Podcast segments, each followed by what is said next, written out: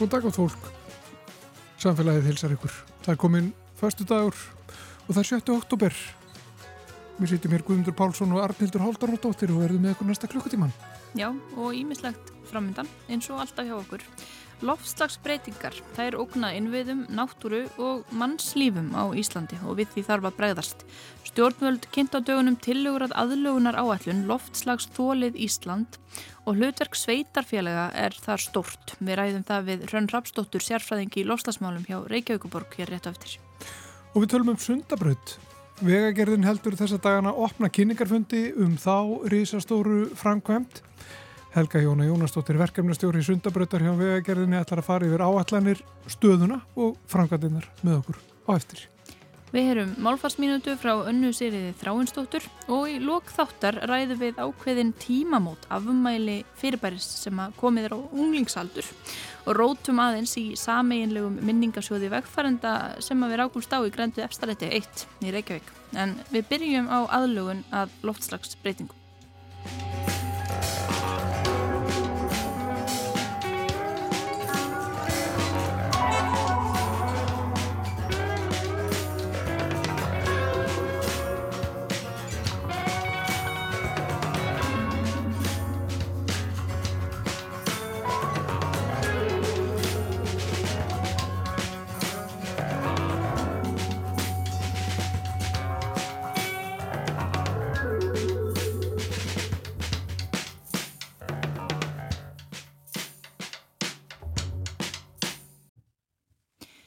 Já, umhverfisáður að kynnti síðustu viku tilugur að landsáætlinum aðlugun að loslasbreytingum og í því plaggi kemur fram að hér og um allan heim þurfa að breyðast við með því að dragu losunu þetta en líka aðlagast breyttum veruleika og svona öfugum sem að líklega halda áfram að aukast næstu árin.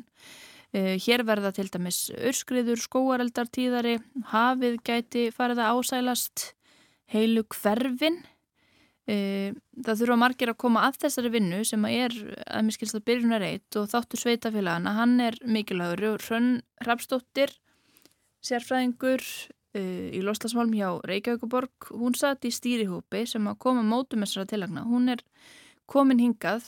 Uh, Hrönn, hvernig lítur þetta að sveitafélaginu, hvað eru þau að gera? Hvað þurfa þau að gera? Mm -hmm. Já, bara takk fyrir að bjóða mér og hérna mjög svona gaglegt að vera í þessum stýrópi og ég myndi að fara í gegnum þessa vinnu. Og komur að segja aðalöguna loslasbreytingum er bara mjög misjafnum byrju sveitafélaga. Það er kannski svona aðeins öðru seldin mótóisaðgerðnar eða draga úr losun. Að það er svo ólíkar aðstöður hjá sveitafélagum, þú veist eins og hjá Reykjavík þá er hérna uh, búist við uh, hækku sjáamáls og kannski örlítið bara hérna landsíi Uh, svo ég takki það fyrir sem að sko, uh, ég þekki en síðan veit ég eins og bara höfni hotnaferði, það er landið að rýsa og það er þá bara aðra áskorunir veist, hérna, sem hefur áhrif á höfnina þar. Og svo náttúrulega er líka ólíkt veist, eins og Reykjavík þá er ekki, ekki mikil byggð nálagt sko, fjallin okkar en það er náttúrulega þekkt hérna, skriður annað frá fjöllin sem eru nálagt hérna bara byggðum og öðrum, öðrum svæðum. Þannig að það er einhverju sem að sveitafjölu þurfa, það er svona uh, bara nokkri þættir, það er kannski þrýr þættir sem er þá bara mjög mikilvægir svona af hálfu ríkisins og það er gogn og tölfræði, bara þannig að við vitum, þú veist, við hverjum að búa stuðið og hvernig við erum að bregast við. Og síðan er það bara svona upplýsingamiðlun og fræðisla, veist, til hérna starfsfólks sveitafjöla og svo kannski þriðilegi þá er að fjárháslegur stuðningur. Það er svona þessi þrjú atri sem að, hérna, er verið að horfa til. Þessi skýsla og þessi hérna, svona, kannu segja, drög að landsáöllin eða svona mótun uh, svona regnaði það, uh, mótun svona um, hvernig aðgerra verði gerð, hún er einhverju tekur á fyrsta þættinum. Þú veist að þá tölfræði og, og hérna gognin sem við verðum að leggja á staða með og það er þessu fjórar forgangsaðgerir sem var laðið til í skýslunni. Það er síðan er það alveg bara fullt af aðgerum sem var sapnað hérna saman og hérna teknað saman í eina gátt. Það er alveg um 90 aðgerir og það verður síðan hlutverk annarar stýrinemdar að hérna, leggja fram uh, aðgera állun hérna, til lengri tíma. En þessi stýrópur hann allavega til að vera með þessa fjórar forgangsaðgerir. Hvaða forgangsaðgerir eru það segir? Já, einmitt, sko, það er í fyrsta lagi að verður gerður svo kallega loftslags atlas og það er einhverju það sem kom fram í hérna, samtali við uh, fólk í vinnuhópum að þegar við vorum að vinna þessa hérna, skýslu eða hérna, aðgerir þá uh, var haft samband við alveg fjöldafólks þetta var alveg 13 vinnustofur sem voru Já, allt í allt. Um 300 mann sem tóku þátt í því.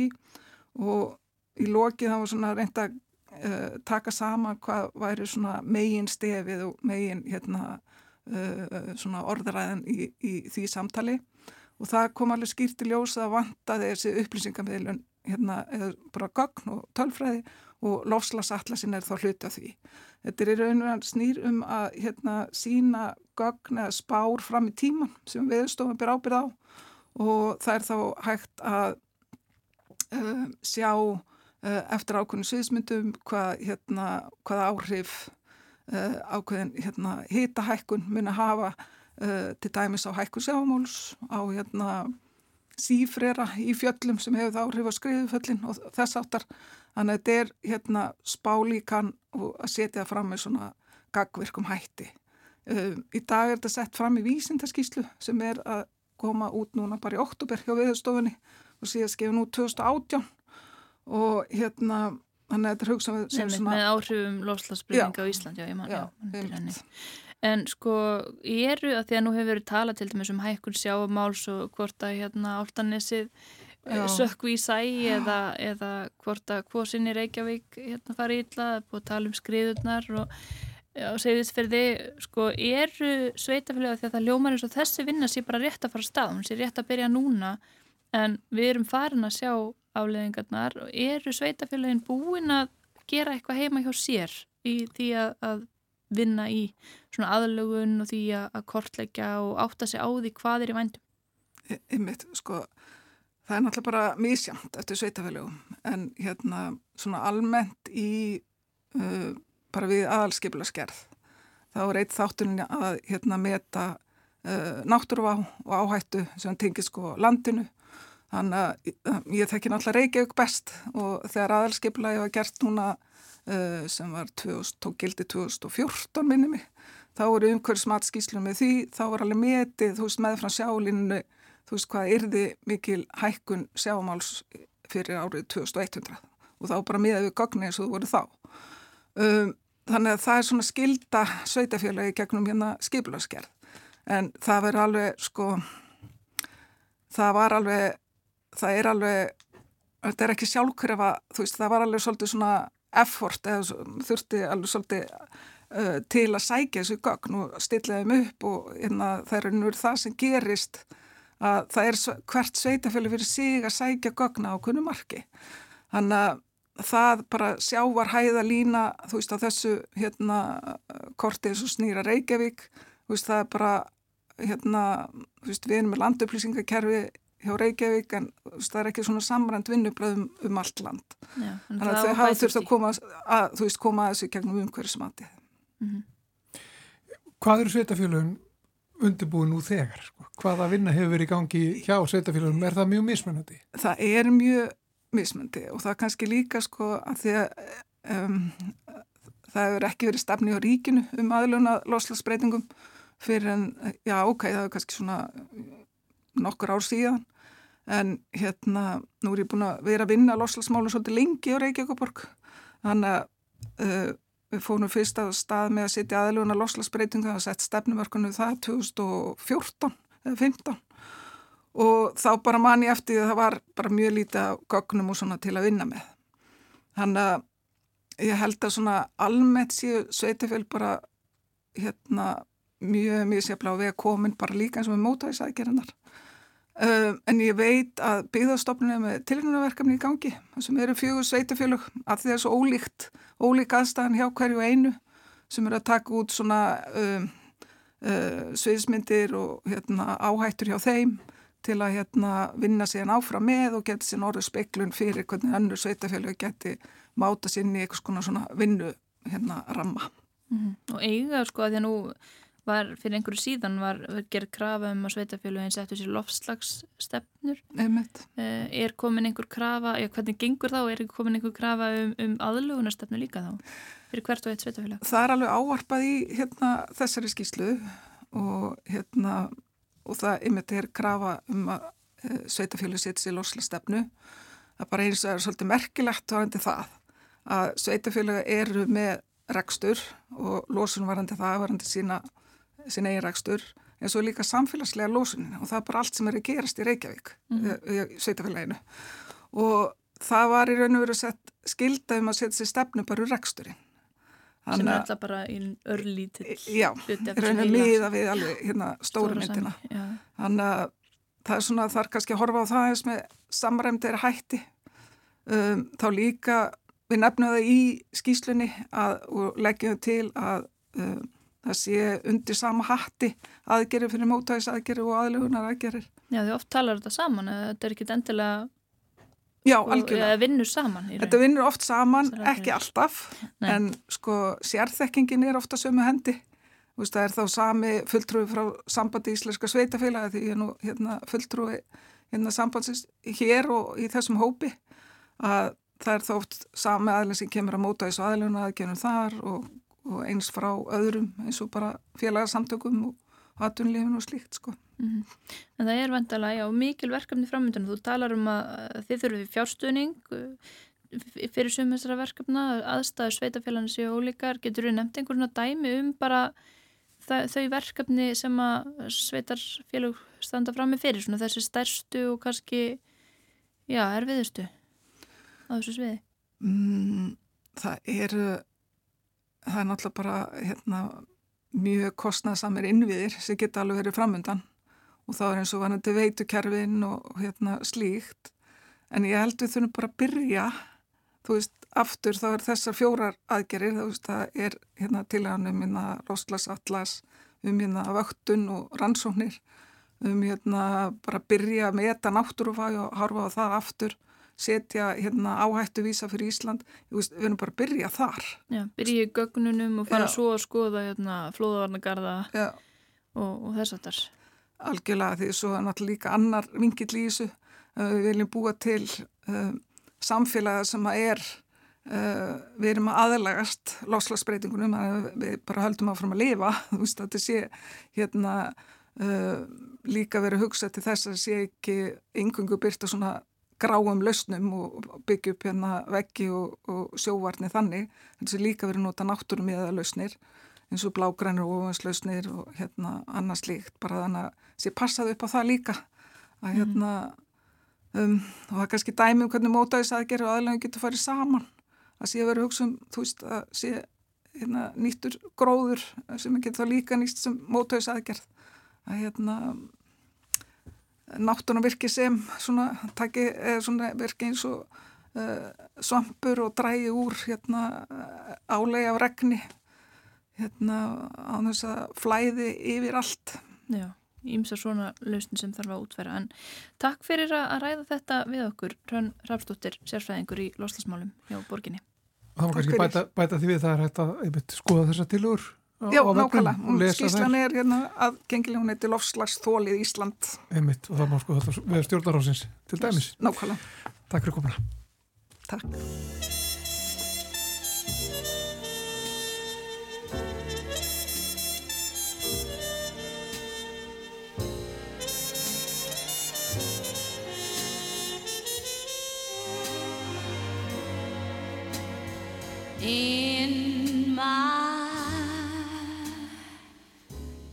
Solitude.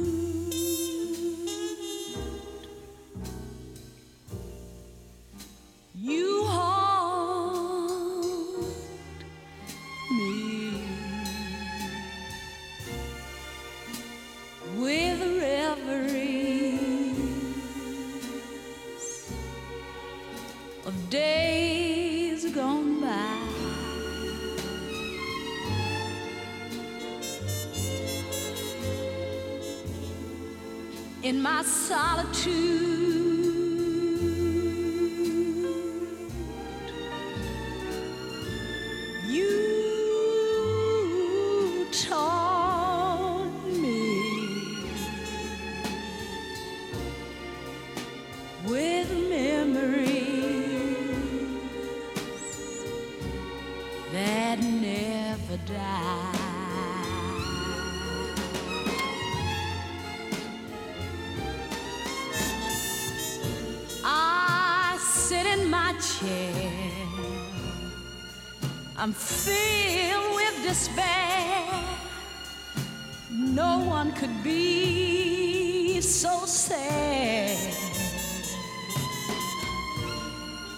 I sit and I stare. There's gloom everywhere. I know that I'll soon go mad. in my solitude.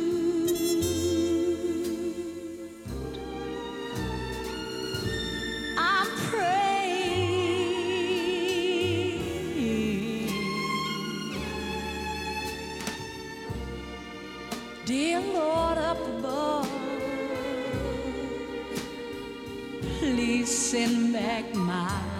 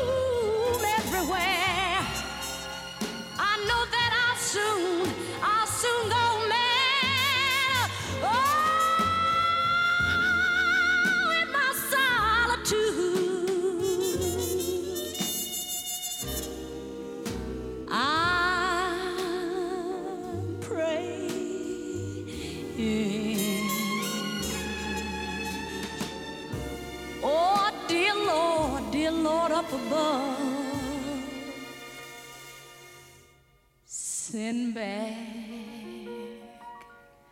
my love.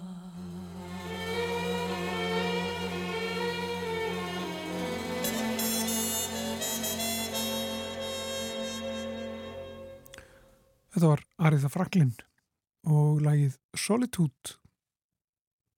Þá ætlum við að tala aðeins um sundabraut sem hefur verið lengi svona í á dagskrá, skulum við segja. Ég ára tugi og reglulega hefst umræða um sundabraut, uh, legu hennar og uh, mikilvægi og svo framvegs. En núna er ímislegt að gerast og vegagerðin hefur núna haldið fundi um þessa fyrirhugðu framkvæmt. Uh, fundi, svona íbúafundi, opna íbúafundi um Sundabraut og hún er sest hérna hjá mér Helga Jóna Jónasdóttir, hún er verkefnistjóri Sundabrautar hjá vegagerðinni.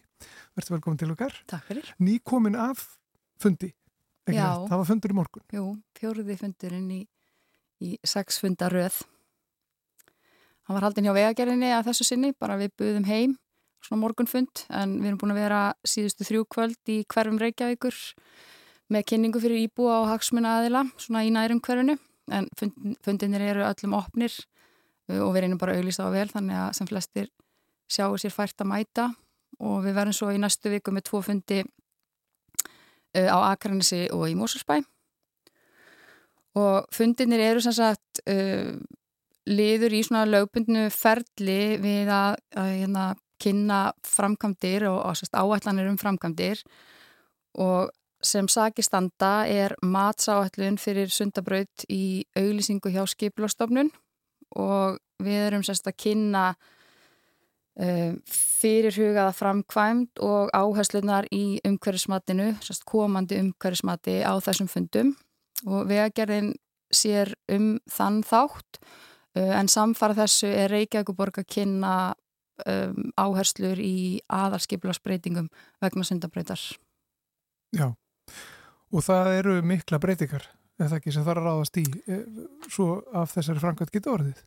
Mm, Reyndar ekki svo vegna þess að eins og þú sagðir þá er um, saga sundabrautar bæði gömul og ný og í rauninni hefur hún verið í aðalskipulagi og á aðalskipulagi Reykjavíkuborgar frá um, nýjunda áratögnum og svæðiskipulagi höfuborgarsvæðisins frá sama tíma og við þurfum vissulega að gera smávægila breytingar vegna þess að við erum ekki að skoða nákvæmlega sömu legu og var sett inn í aðarskipulagið en aðarskipulagið er líka bara svona uh, nálgun við fyrirhuga framkvæmdi eða fyrirhuga legu og svo er, tekur hún breytingum á setni hönnunastigum uh, bara þegar að menn útfæra nákvæmlega legubröytarinnar. og ef við skoðum þá legu brautarinnar það eru þarna einhverja tilugur sem eru mismunandi útfærslur í rauninni er það ekki?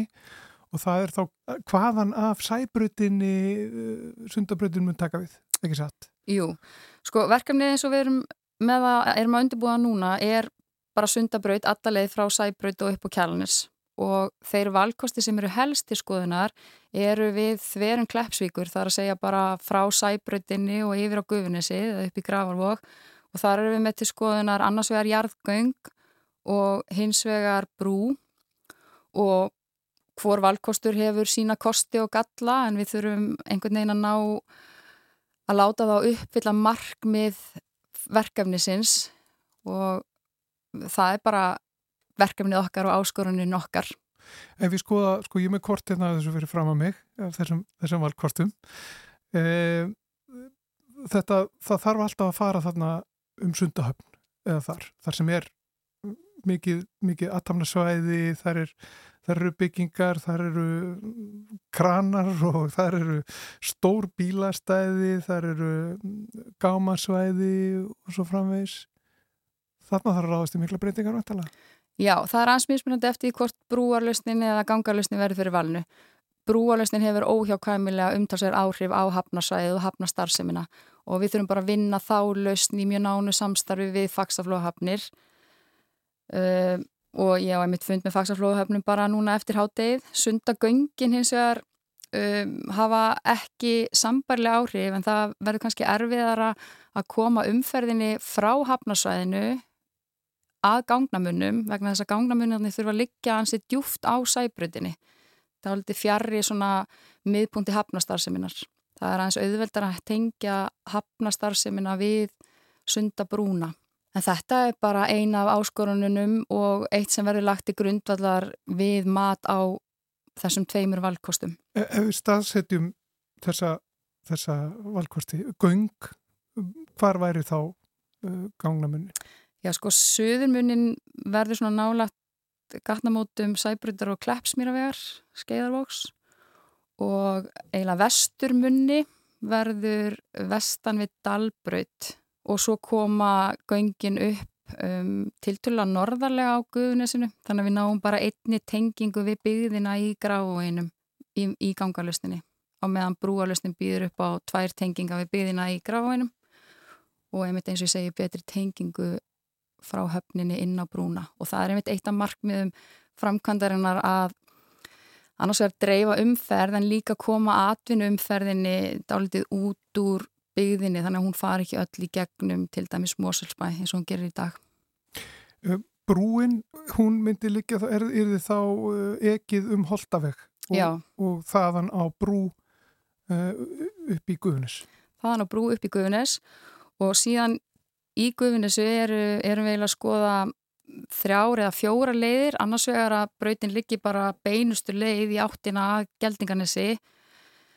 Uh, Sú leið hefur þann ókost að erum við að fara yfir fyrir um urðunastað þarna í Guðvinnesi sem var lagður af 1990 og menn bara vita, uh, vita eitthvað en kannski ekki nógu mikið á þessum tímapunkti hvaða afleggingar það getur haft en það er einmitt eitt af því sem við erum að skoða í matsferðlinu sérst, við það að meta umhverjus áhrif mismunandi valkosta uh, hvað þarf, þarf til að tryggja öryggi á þeirri leið.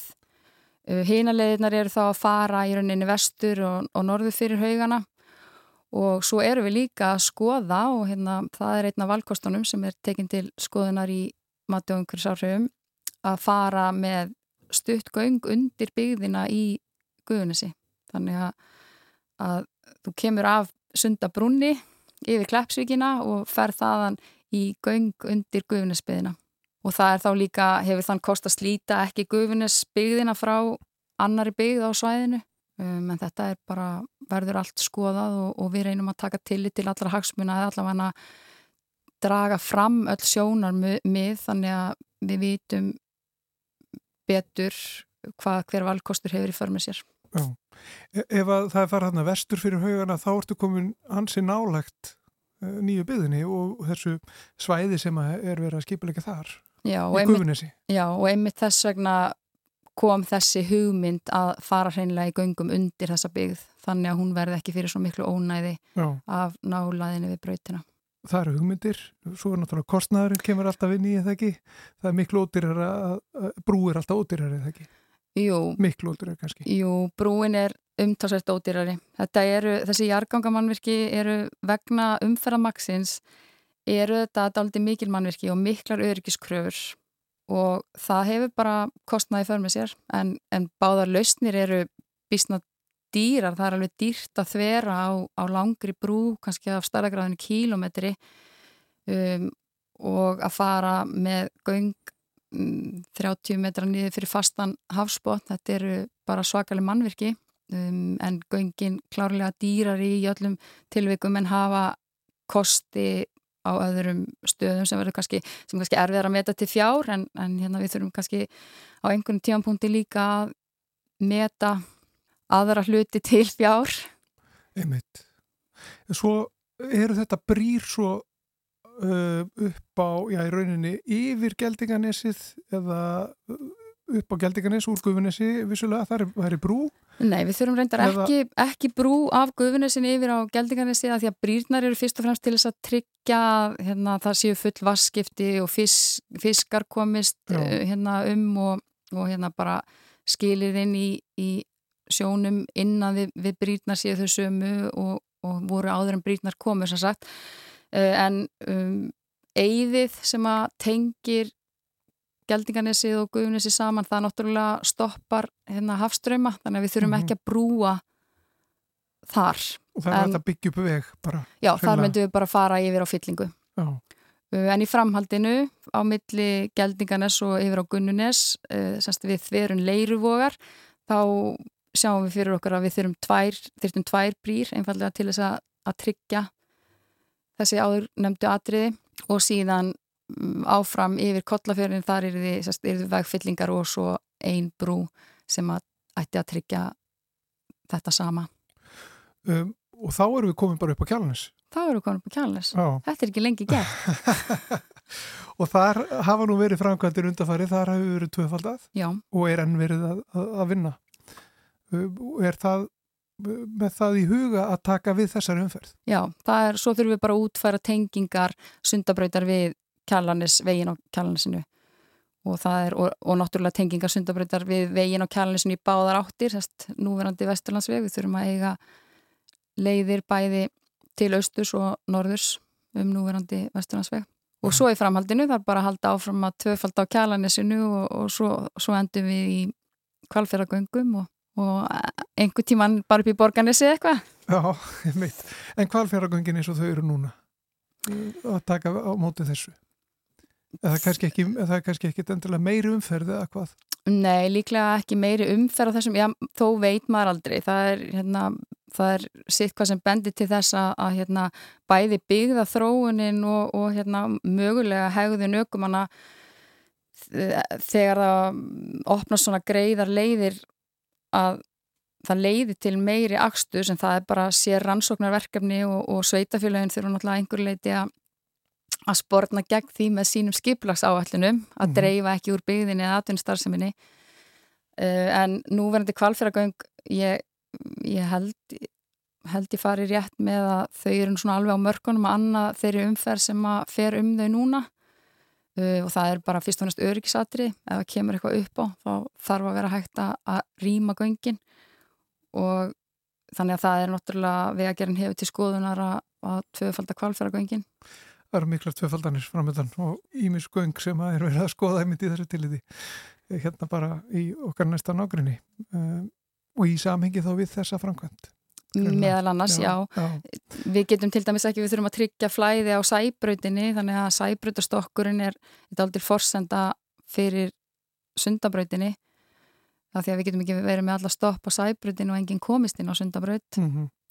þannig að það er einn framkvæmst sem þarf að skoða í þessu samengi og svo bara til framtíðar með hérna, fjölgun íbúa og, og auknum umsviðum og, og þar á leiðandi meiri umferð þá þurfum við að sjálfsögðu að, að opna á aðrar leiðir í samgöngumálum betri almenningssamgöngur og, og hérna gefa fólki kost á því að hjóla og ganga leiða sinna eins og svo sem samgöngusáttmálinn og, og hérna, verkefni sem er verið að vinna að eru hugsuð. Já. Hvernig er þessum, þessum áallunum tekið? Þið hefur verið að hitta fólk núna undarfarið og ræða þetta opinskátt vantanlega. Fólk, hefur skoðanir á þessu. Eðlilega. Og það er kannski ástæða fyrir því að þetta hefur ekki verið það hefur ekki ráðist í þetta, það eru ymsar ástæði fyrir því? Já, það eru ymsar ástæði fyrir því og hérna sumpart er þetta náttúrulega bara ofbúslega stór og fjárfreg framkvæmt. Þannig að það eitt og sér er, er hérna alveg ástæða fyrir því að hérna mann óar eitthvað við þessu.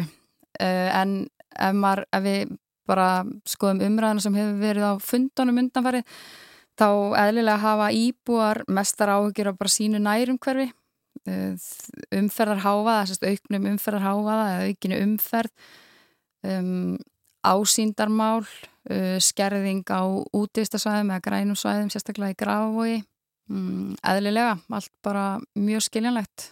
Já, og svo er þarna náttúrulega, náttúrulega gufunissið og, og uh, kjalanissið kannski sem að, sem að svona mersta, merstu áhrifin eru, eða hvað?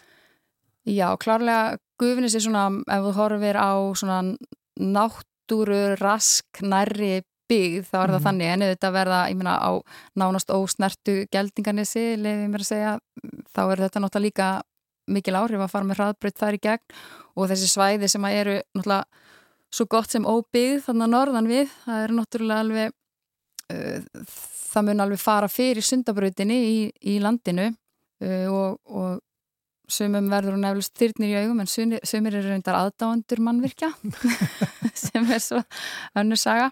Já. Eh, en þetta er bara allt mjög skiljanlegt og við þurfum bara að taka tillit til þeirra sjónamiða sem koma fram og, og hérna allavega svara þeim umsögnum sem að, sem að íbúar og hagaðilar eða bara aðrir áhuga samir uh, eh, koma með í, í þessu ferli sem að er stendur núna yfir og, og bara við fögnum og hvetjum fagnum umsögnum og hvetjum fólk eindri til þess að skila þeim inn Já. af því að, að öðrum kosti þá getum við enga veginn gert okkur grein fyrir öllum þeim hagsmunum sem eru á þessari laungu, laungu leið Og ef fólk vil uh, koma með aðtöðasemtir, er það gert formlega og er það fyrir einhvern ákveðin tíma? Já, sko aðtöðasendafresturinn er til 19. oktober um, Málið er kynnt í skipularskátt skipulastofnunar og, og í skipularsskáttin er bara einfallega eftir, hægt að leita eftir leitarorðinu sundabraut og þar er í rauninni tvö máltikynningar, að, annars vegar aðal skipularsbreytingin og hins vegar matsáallunin og, og báðar þessar áallanir er í rauninni bara verklýsing fyrir það ferli sem er að fara í gang. Þannig að núna er tækifæri til að hafa áhrif á þetta ferli og tilgreina matstætti sem að okkur hafa yfirsjast eða, eða einhver önnur atrið sem þarf að taka til greina í þessu ferli sem að er yfirstandandi og frammyndan.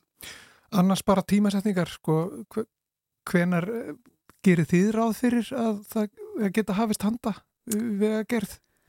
Það er náttúrulega bara búið að setja verkefninu háleit markmið í tíma og við bara vinnum ótröð að því að uppfylla þau og það er að framkvæmdir geti hafist á árinu 2026 og framkvæmda tímin er líka skammur þannig að mm, við eigum að vera búinn og sundabraut á að vera opinn uh, á árinu 2031. Það er mikið verk að vinna Já. en Já. þeim er mikilvægur að kynna verkefnið á fyrristegum til þess að við getum tekið hagsmunni allra til greina. Ég veit að það verða aldrei allir ánæðir, það er aldrei þannig og, eh, en við bara verðum að gera okkur besta og bara fögnum ábendingum. Já. Þetta er ekki framkvæmt sem eru opnuð svona í pörtum, þetta er bara það er Mm. bara sundabraut sem verður opnuð á ákveðinu tíma, það er ekki þetta opna einhverja hluta eða þess að það á, á þessum tímapunkti erum við ekki að plana neitt annað en að opna hana bara í, í heilu lægi. Það, það kann að vera að um, framkvæmdi raðist þannig þegar það að kemur að það verði hægt að opna hana í einhverjum pörtum.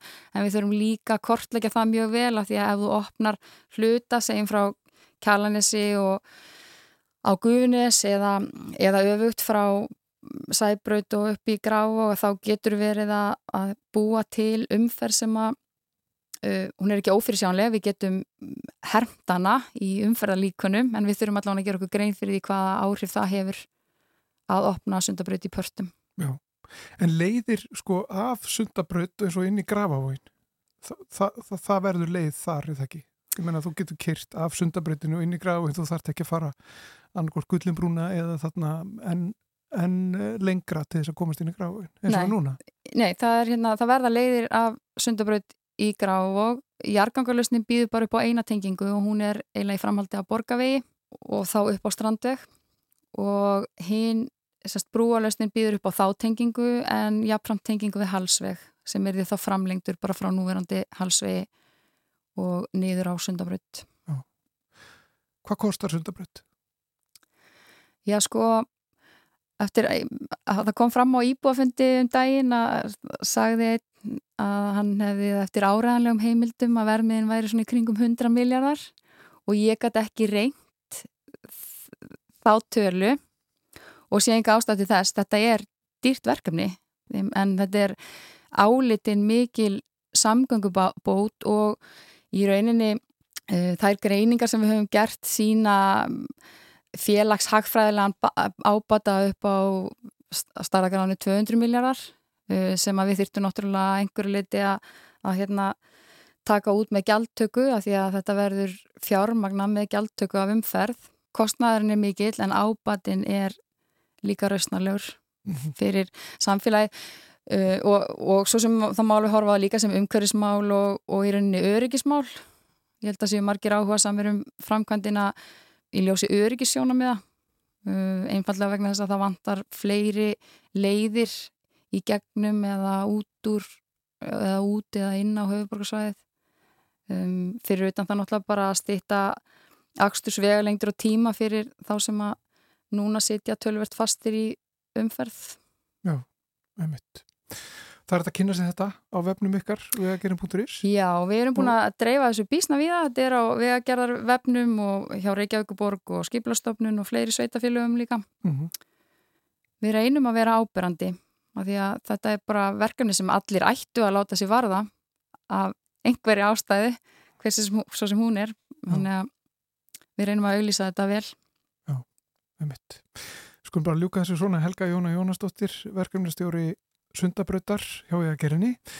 Takk fyrir komuna í samfélagið og kannski bara réttilega, er þetta eina sem þú gerir? Ertu bara í þessu alla dag? Það er bara Nei. sundabraut, sundabraut, sundabraut.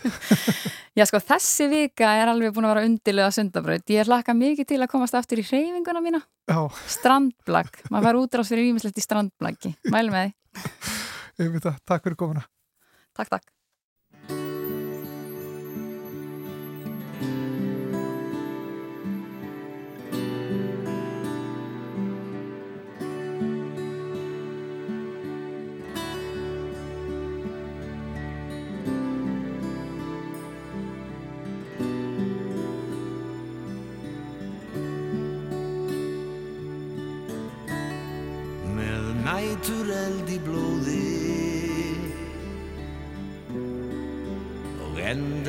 Endalausa þrá.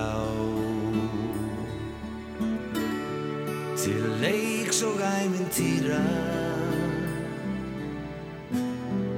sem lífið kallar á.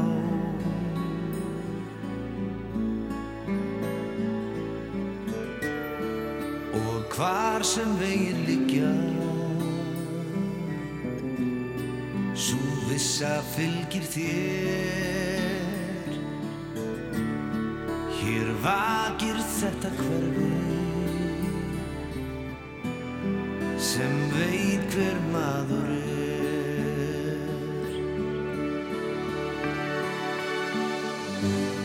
Þið dreymir kannski engir sem óvænt svífur hjá með silfur skæra vangi er varla flugin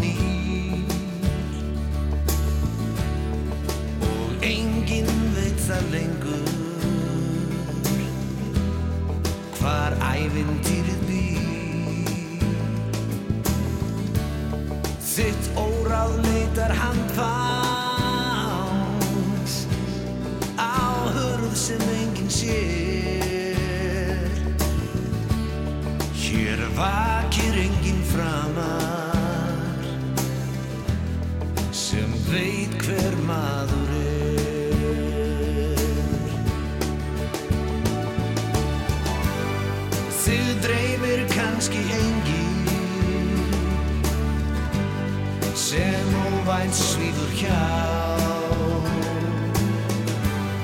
Með silfur skæra vangi er varla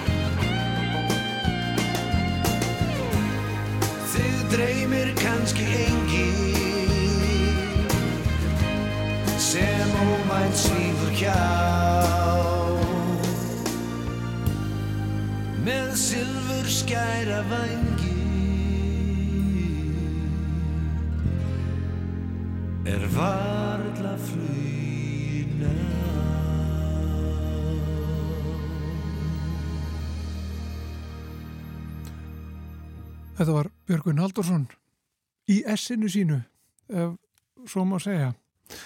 Söng þarna lagið Þig dreymir kannski engil, lag sem var í kveikmyndinni Djöblaðiðunni á sínu tíma. Við þú næst að heyra eina málfarsminútu.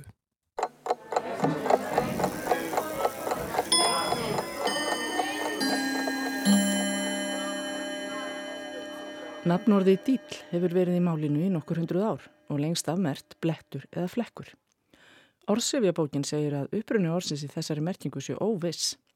Á síðari árum hefur enska orðið díl verið lagað að íslensku svo úrverður hljóðlíkingin díll. Hún er samhljóða gamla orðinu sem merkir blettur en merkingin er allt önnur. Nýja merkingin er samkomilag eða viðskiptasamningur og hún hefur þegar ratað í orðabækur sem getur verið vísbendingu mikla nótkun orðsins. Enska orðið díl er svo aftur á móti eldgamalt, rækjuð aftur til germansku og sagt náskilt fornu íslensku orði deild. Upprunalega merking díl er hlutur eða partur, það sem skipt hefur verið. Díl mætti svo vel skýra sem partur. Skemmtilegt hvernig tungumál geta eld skottið hvert á öðru.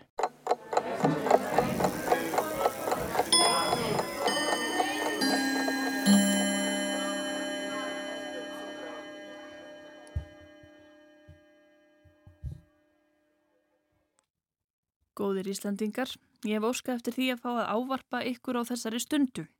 Þannig hóf Geir Há Horti ávarp sitt þann 7. oktober 2008 fyrir nákvæmlega 15 árum. Við munum öll hvað gerðist svo í smáatriðum eða hvað. Samfélagið fór í gunguferð, komið í kringlunni og víðar og kannaði málið. Eh, það er ákveð fyrirbæri sem á 15 ára afmæli í dag. Veistu hvað það er? Fyrirbæri sem er 15 ára í dag. Íslands. þetta 7. 7. oktober 2008. Er það hvenna frítagurinn? Nei, það er efnahagshrunið. Manst, Takk fyrir. Býtu erum við kannski búin að gleyma þið bara? já, já, er ég verið að taka sprengitöflunar? En nú ljótt að koma þér svona mikið upp Nei. maður rifja þessa, þessa hörmungu upp. En manstu eftir, eftir þessum degi? Algjörlega, eins og það gerst ekki ær. Algjörlega. Hvar varstu þegar þú fjast fréttinnar? Uh, hvar var ég? Ég held ég bara verið í vinnunni, getur ekki verið. Og meðan ég hafði hana. Og hvernig var þér við? Ég var kjáttstopp, svo var ég rosalega reyður, óbúslega reyður. Varstu á Östuvell að mótmæla? Já, ég var þar, virkilega. Og áttu einhverja svona, einhverja minningar svona sem þú tengir við hrunið og ástandið í þjóðfélaginu? Ég, ég á, það. Hvernig, hvernig hérna bankin minn reyndi að ná öllu sem ég átti. En hún tókst það ekki. Það er gott. Og hvað heitir þú? Eitt Einar Magnússon. Takk fyrir þetta. Takk fyrir. Ég vona þér hafi gjörðið ofbilt við að muna eftir þessu. allt í- Takk Það er gott að svona uh, vekja mér.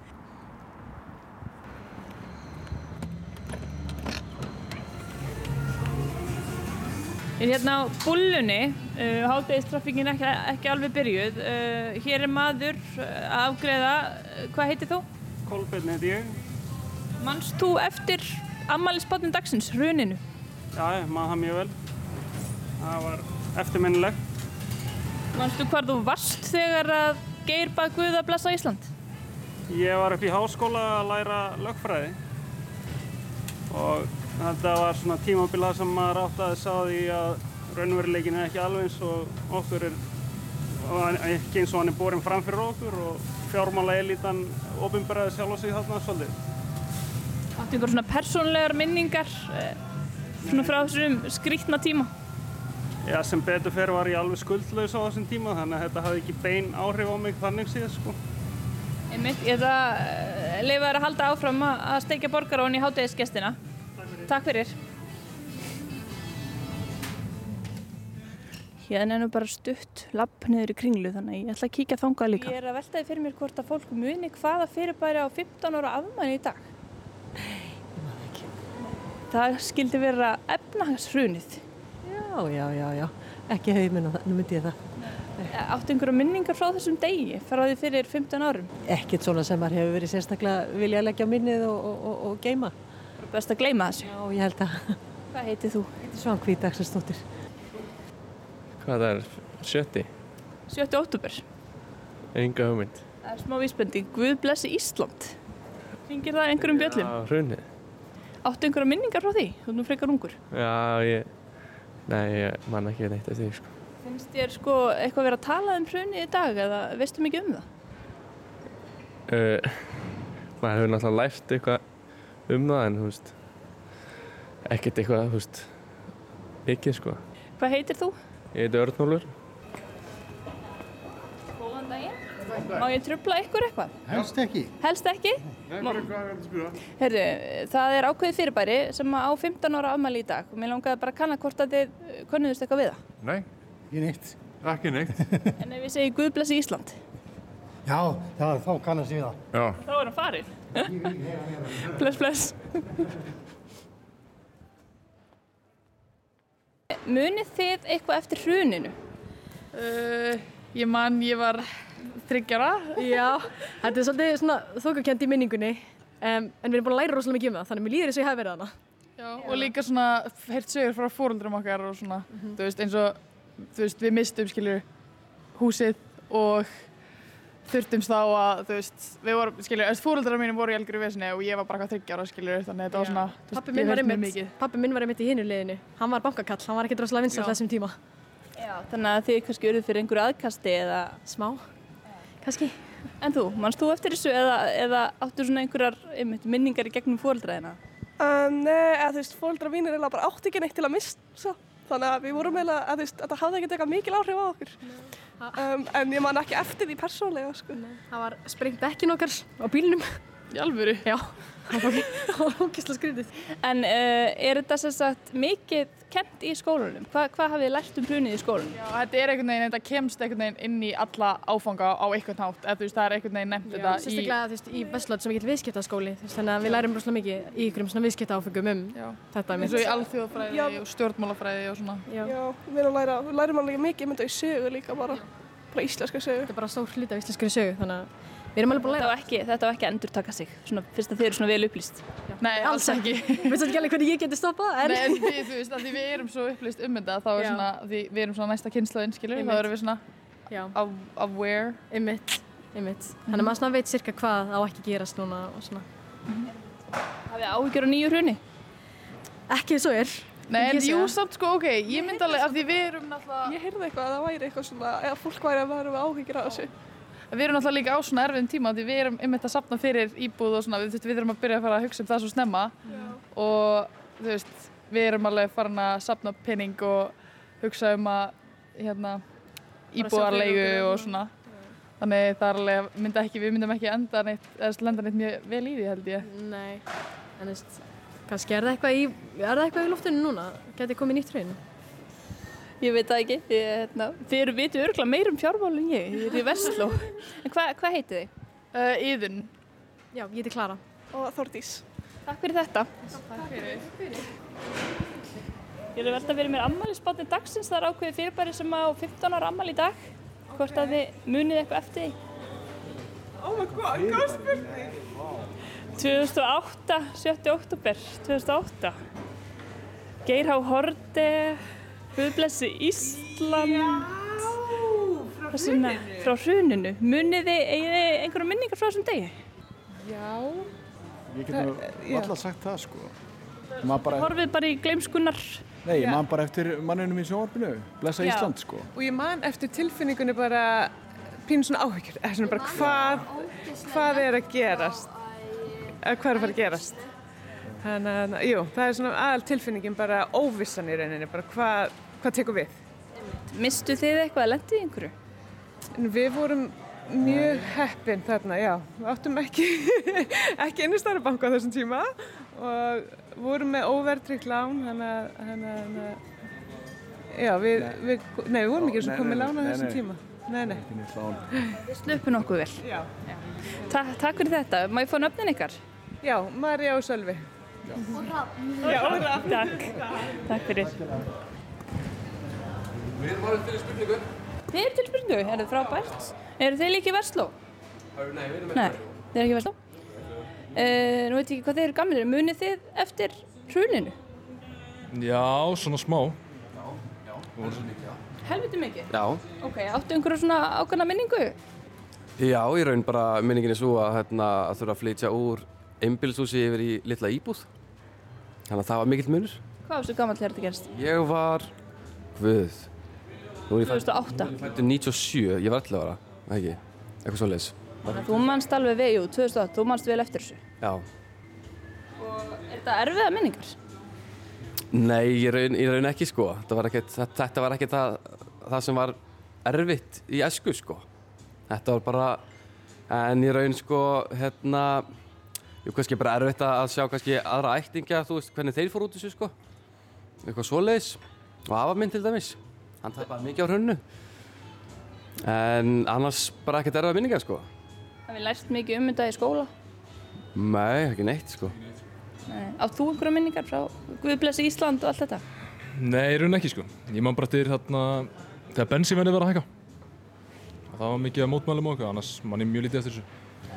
Þið hafið ekkert verið, þið hafið ekkert verið á, já, gas, gas, það var, það var annað, en e, þið hafið ekkert verið á austu öll að mótmæla þegar að jólatriðið var brent eitthvað þess að þar. Nei, við vorum bara krakkar sko. Munið eftir þessu sjónvarpinu samt. Já, já, munum alveg vel eftir þessu sko. En já, ég, sko, ég reynilega hef aldrei skilað okkar fólk er að fara að mótmæla sko. Mér finnst það ekki virka. Eitthvað neinn. Eitthvað annað sem virkar? Já, það er nefnilega góð spurning. Það er nefnilega, ég getur rauninlega ekkert ímyndað með hvort það sé eitthvað annað sem virkar sko. En það er allavega ekkert að virka sem við gerum við fólkið sko. Það, það, það er ekki einn breyting fyrst mér sko. Hvernig svona metið þið stöðu efnaðasmála í dag? Hafið þið einhverju skoðun á þeim? Ekki þannig séð sko, það bara fyrir allt hækkandi og maður veit ekki alveg hvað er að fara að gerast sko. Þið allavega splæstuð í kaffi og, og köku hérna, kaffihús í kringlunni. Og, og, hérna, og kaffi, það er, en mér finnst staðan í, í samfélaginu vera bara mjög slæm og mér finnst við Íslendinga við aðlöfumst aðstæðum mjög vel finnst mér. Við látum svona hluti, við látum hérna bankastólan komast upp með mjög mikið finnst mér. Við, við kvörtum og kveinum, það gerist ekkert og við leifum hlutunum bara að hækka og hækka og hækka og við borgum bara af öllum lánum og, og eins og það sé bara allt í lægi sko að vera með 10% verðbólgu og, og stýrivextin að hækka enda laust við höldum bara áfram að borga sko. Við, við þurfum að halda húsnæðunum okkar en hérna Látum bara allt og mikið yfir okkur ganga. Já. Mér finnst það sko. Hvað heitir þið? Herru, Friðrik Máni heiti ég. Já. Sindri Már. Herru, bara njótið kaffisins, takk fyrir að spjalla með mig. Já, bye. Þetta var það sem að fólki í kringlunni hafiði um efnaðsrunni 2008 að segja. Það er nefnilega það.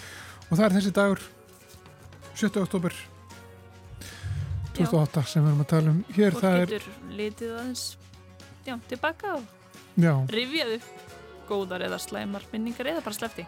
Eða bara slefti, akkurat. Þetta er þess að dagurinn sem sem Geir Hortegi held ávarp sitt sem að laug með orðunum Guðblessi Ísland.